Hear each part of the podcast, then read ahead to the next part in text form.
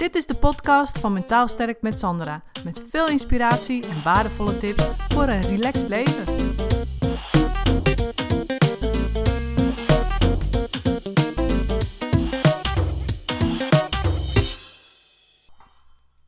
Ik las laatst een artikel en het ging over de grens tussen ontspanning en inspanning. En hoe die vervaagd is eigenlijk in uh, ja, de laatste decennia. En toen dacht ik ook, ik denk ja inderdaad, het is echt maar het is ook geleidelijk gegaan. Het is erin geslopen. Dus ik stam zelf uit de jaren 70. Dus ik ben uh, opgegroeid in een tijdperk dat er. Ja, dat de computer eigenlijk, die was er toen natuurlijk al wel, maar niet in elk huishouden. Dus ik weet nog wel dat ik uh, een jaar of, uh, ik denk 16 of 17 was, toen ik eigenlijk echt voor het eerst achter een computer zat. En we waren nog bezig met MS-DOS en zo, weet je, dat was allemaal heel ingewikkeld. Dus ja, en met schijfjes, weet je wel, van die, van die, van die floppies had je dan nog. En um, ik weet nog wel dat mijn eerste cursus was een, een Word-cursus ook, en een MS-DOS-cursus. Maar toen was ik een jaar of 17, 18, dus ik ben ook opgegroeid zonder... Um, ja, ik ben ook nog opgegroeid in het platentijdperk. Dus vroeger draaide ik gewoon singeltjes en platen. En had ik cassettebandjes. Dus ja, weet je, dan kon je niet zo heel... Je kon wel doorspoelen, maar ja, het duurde best heel lang. En uh, even een, een, nummertje skippen op een LP. Nou, dan was je ook even aan het zoeken. Weet je, dus dat was ook een tijd waarin je eigenlijk niet snel door ja, de muziek heen kon. En dan was je toch wat meer gedwongen om dat helemaal af te luisteren. Of daar gewoon meer rust in te hebben, zeg maar. Omdat je niet super snel vast wordt. Of je kon niet skippen. Of kon allemaal wel, maar dat ging ook niet snel. Dus um, weet je, dat was, dat was allemaal een veel rustigere tijd. En um, ook was het, als je het hebt over de grens tussen ontspanning en inspanning, was het toen, in mijn jeugd zeg maar, was er ook al een hele duidelijke grens. Want ik had eigenlijk alleen maar contact met mijn vriendinnen als ze bij mij waren. Of als ik bij hun was, of op school. En tussendoor natuurlijk niet. Dan zat ik gewoon op mijn kamer en dan draaide ik muziek of dan was ik aan het tekenen. Of... En dan had je dus geen contact. Tenzij je natuurlijk gewoon de telefoon pakte met de vaste telefoonlijn en ging bellen. En ja, dat deden we eigenlijk ook niet, niet heel veel of zo. Dat kan ik me ook niet herinneren dat ik uren aan de telefoon ging hangen dan. Dus ja, want je wist toch, je ziet elkaar de volgende dag weer. Of je had al afgesproken. Dus dat was eigenlijk ook een hele overzichtelijke, rustige situatie. Weet je, het was niet zo onrustig van, oh, een appje nog hier, een appje daar. En uh, ja, je ziet die op Facebook voorbij komen. En die zit daar op die locatie dat te doen met die vriendin. Weet je, dat, dat zagen we natuurlijk vroeger allemaal niet. Was het gewoon allemaal heel helder duidelijk. En je had afspraken, je zag elkaar op school. Nou, en de rest zat ik in ieder geval op mijn kamer en deed mijn eigen dingetje. Of ik was met de hond of met de kat aan het spelen, weet je wel, was je gewoon thuis. En toen later, ik weet nog heel goed, ik was dus jaar 17, 18, toen kwam die computer. Nou, toen ging ik daarmee aan de slag. En toch was het ook nog niet zo dat je daar dan al direct helemaal verslaafd aan was of zo. Dat, dat idee had ik ook niet. Want ik had natuurlijk al die jaren ervoor had je gewoon je eigen leven gehad. En, en ja, weet je, had je echt, stond, stond je echt in het leven. Was je niet met die computer bezig. Dus uh, tijdens mijn studie kan ik ook niet heel erg herinneren dat ik heel veel achter die computer zat. Ik, ik was voornamelijk, ik deed ook een redelijk creatieve opleiding. Dus ik was veel uh, met, met fotografie en vi video dan in dat geval nog uh, bezig. En um, met muziek en met dans hadden we. En we hadden tekenen en beeldende vormgeving. Dus ook daar was ik eigenlijk heel, ja, echt bezig met alles wat, wat er in het leven, zeg maar, echt aanwezig was. En niet met wat er allemaal online mogelijk was. Of hè, dat ik me daar überhaupt mee bezig hield. En ook, ik maakte wel opdrachten op de computer, maar dat was het dan. Ik weet nog dat je, het eerste wat ik echt ook creatief op de computer deed, was een programma dat heette Coral Draw. En dan kon je dus affiches mee maken.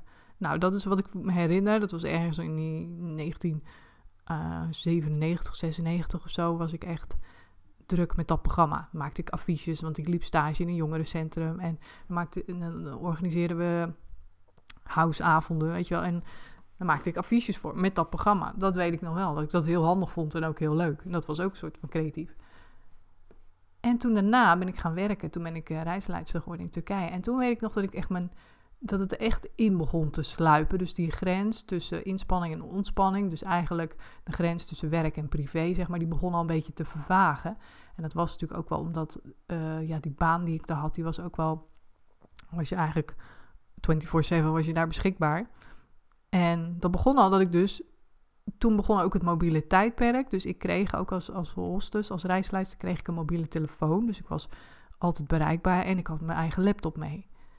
Dat was toen ook, dat was nog zo'n heel, heel dik ding, weet je, heel zwaar. En, ehm, en dan moest ik online, dan moest ik inloggen op het internet met een modem. Weet je wel, zo'n modem wat dan kraakte en piepte. En ja, die telefoonlijnen in Turkije, die, waren, die werkten ook niet altijd even goed mee. Dus dat was, het duurde heel lang, er stond heel lang te piepen voordat, voordat je uiteindelijk echt op het internet zat en dat je je mailtjes kon ontvangen. En ik weet nog goed dat ik vooral toen met mailtjes bezig was. Dus, maar goed, die laptop had ik, die gebruikte ik op kantoor, maar die nam ik ook mee naar huis. In het appartement waar ik, daar toen uh, woonde. En ook daar, niet in alle appartementen gelukkig, maar in een uh, aantal appartementen, ik heb verschillende gewoond, had ik wel een, een telefoonlijn. En dat was natuurlijk ook heel verleidelijk, want dan kon ik dus uh, die modem aansluiten en dan kon ik online kon ik mijn mailtjes ophalen. Dus daar begon het al een beetje te vervagen, zeg maar, die grens tussen werk, privé en dus ook tussen ontspanning en inspanning. En mobiele telefoon, ja, dat was natuurlijk ook een ding. Maar, en ik weet nog goed dat, uh, ja, je kon op een gegeven moment mee sms'en natuurlijk. En uh, dat dat gewoon het, het, soort van het appen van nu was. Weet je wel? Was op een gegeven moment, weet ik wel, dat ik echt wel in, in, in ja, tussen 2000 en 2004, zeg maar, was dat echt gewoon in opkomst. Of was dat gewoon het middel om met elkaar af te spreken? En uh, ja, dus daar ging die grens, die, die werd nog verder vervaagd. Want je kon altijd sms'en. Dus ik kon sms'en met collega's, ik kon sms'en met vriendinnen, ik kon sms'en met mensen in Nederland. Weet je, dus daar ging het al steeds verder. En ja, uiteindelijk, dan heb je het over 2004, dat het echt sms-tijdperk. Nou ja, en daarna is natuurlijk alles helemaal in de stroomverstelling gekomen met appen en ja, alles wat je online kan doen. En dat is natuurlijk enorm gegroeid. En werden de mogelijkheden, die werden steeds uitgebreider. En ik had volgens mij in, um, even denken, ik had heel lang geen, geen smartphone, omdat ik ik had gewoon nog zo'n. Uh, goh, ik heb hem hier nog liggen. Ik, ik, zag hem van de week nog liggen. Echt een hele oude. Kon je dus alleen ook mee sms'en. Dan kon je wel foto's en zo mee maken. Dat waren van die MMS uh, dingen, weet je wel. Dat was altijd heel moeilijk om te verzenden. Want die waren al te groot en dat was altijd gedoe. Maar zo'n telefoon had ik nog. En het is denk ik geweest in 2000. Uh, eh, nou, 9 of zo. Had ik nog steeds zo'n telefoon. En mijn man die had inmiddels al een smartphone. En die zei, ja, dat moet je doen. Kijk, hartstikke leuk. En uh, ik zei, nee joh, ben gek, hoef, hoef kan me niet. Want uh, ja, ik zag het al voor me. Dan zat ik daar natuurlijk heel de dag op. En uiteindelijk kreeg ik toch een smartphone. Dat was een iPhone. Kreeg ik van hem toen cadeau. En ik weet nog goed dat ik toen voor het eerst een filmpje zag op YouTube. Kon je dan filmpjes natuurlijk kijken. En dat ik dacht van, wow, dat is vet, weet je wel. ik was eigenlijk meteen hooked gewoon. Ik was eigenlijk meteen verslaafd. Zo van, dit is leuk. Je kan heel veel filmpjes kijken en uh, op, op internet als je iets moet weten, direct opzoeken. Weet je, hoeft niet te, denken van, oh ja, schrijf ik even op als aantekening, want uh, moet ik later nog iets mee of zo. Nee, je kunt allemaal direct dingen doen. En zo werd het natuurlijk steeds, ja, erger, meer en noem maar op. En uiteindelijk heb ik natuurlijk nu zelfs een online, en dat online initiatief wat ik heb genomen, is natuurlijk ook allemaal online. En ik heb natuurlijk ook nog wel mijn eigen praktijk, omdat ik vind dat. Dat zeg ik ook altijd tegen mijn zoontje, weet je. Er bestaat ook nog zoiets als het echte leven. Je hebt een online leven. Tegenwoordig die kinderen. Mijn zoontje is uit 2006, dus dat, zijn, dat is een millennial. Een millennial noemen ze dat dan, geloof ik. En die, is, die weet niet anders dan dat het zo werkt.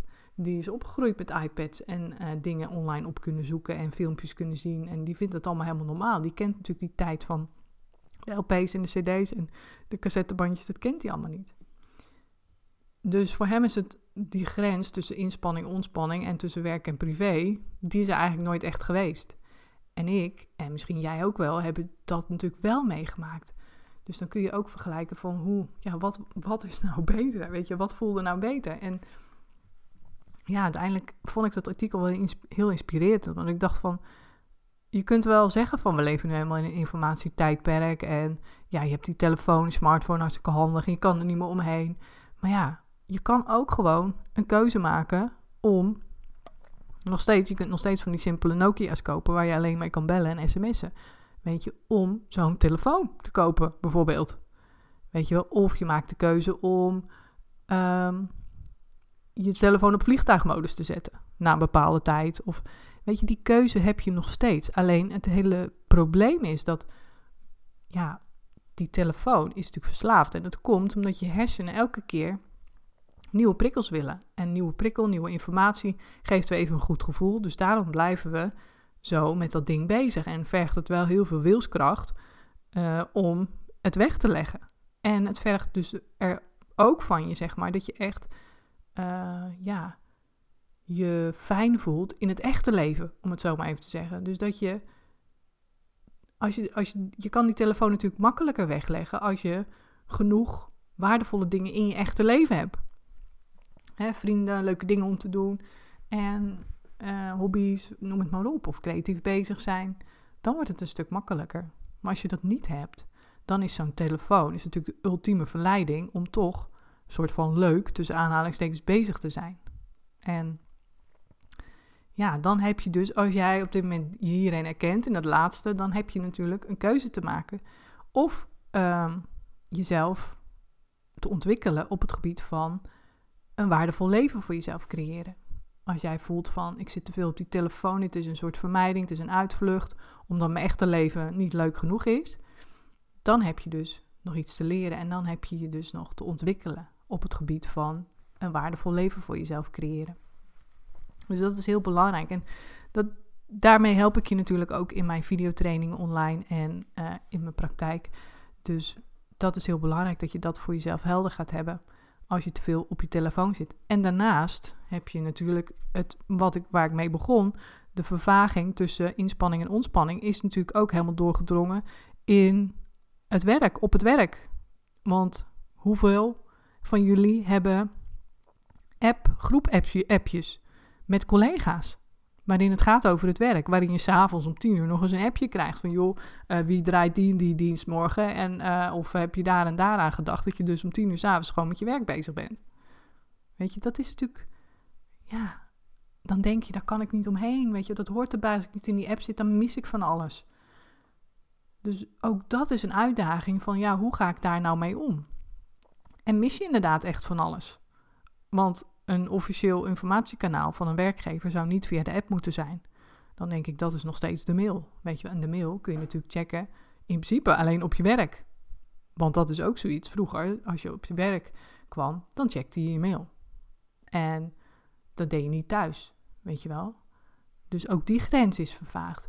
Maar alle grenzen die vervaagd zijn, ja, die vinden we dan ook maar normaal. En we denken dat het maar zo hoort. Maar ik wil ook je hiermee ook inspireren van je hebt dus altijd nog zelf een keuze in hoe ver je daarin gaat. Je kunt zeggen, ik ga uit dat groepsappje, want ik wil niet s'avonds om tien uur lastiggevallen worden over allerlei ditjes en datjes over het werk morgen. En ik ben gewoon duidelijk dat als de werkgever mij iets wil mededelen, dan uh, stuur dus maar een mailtje naar mijn werkmail en die lees ik op mijn werk. Weet je wel? Dat doe ik gewoon onder werktijd. en gewoon ook keuzes maken voor jezelf, voor je privéleven. Van uh, wanneer zet ik dat internet uit bijvoorbeeld? Weet je, ik doe altijd s'avonds na acht uur, dan zet ik mijn telefoon op vliegtuigmodus. Soms ook niet, maar dan maak ik bewust de keuze. En dan weet ik ook van achteraf, hmm, was toch eigenlijk weer niet zo'n goed plan. Weet je wel, want dan zit ik weer te veel op mijn telefoon. Dus. En ik heb ook bijvoorbeeld de afspraak met mijn zoontje om acht uur die telefoon in vliegtuigmodus in de oplader beneden. Weet je, niet boven op zijn kamer of gewoon ook duidelijk zijn en voor jezelf die grens dus maar trekken als het in je omgeving niet voor je gedaan wordt. Want ik denk dat we vroeger ook gewoon minder last hadden van allerlei stress en allerlei prikkels en informatieverwerking. Omdat natuurlijk die grens veel duidelijker was tussen werk en privé. En alle informatie die dus over werk binnenkwam, kwam op het werk binnen en niet tijdens je privéleven of andersom.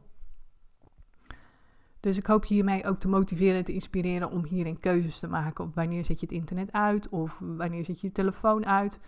Ik zet ook gewoon mijn computer uit uh, om vijf uur. En daarna, s'avonds, ga ik er niet meer op. Dat is ook een bewuste keuze. En weet je, zo hou ik het voor mezelf ook. Uh, ja, hou ik die scheidingslijn gewoon helder. En uh, weet ik ook gewoon, nou, als er nu iets komt s'avonds, dan zie ik dat morgenochtend wel. En wat kan er nu zo dringend zijn dat ik dat nu moet weten? Nou, iets wat heel dringend is, dat is een zaak van leven op dood.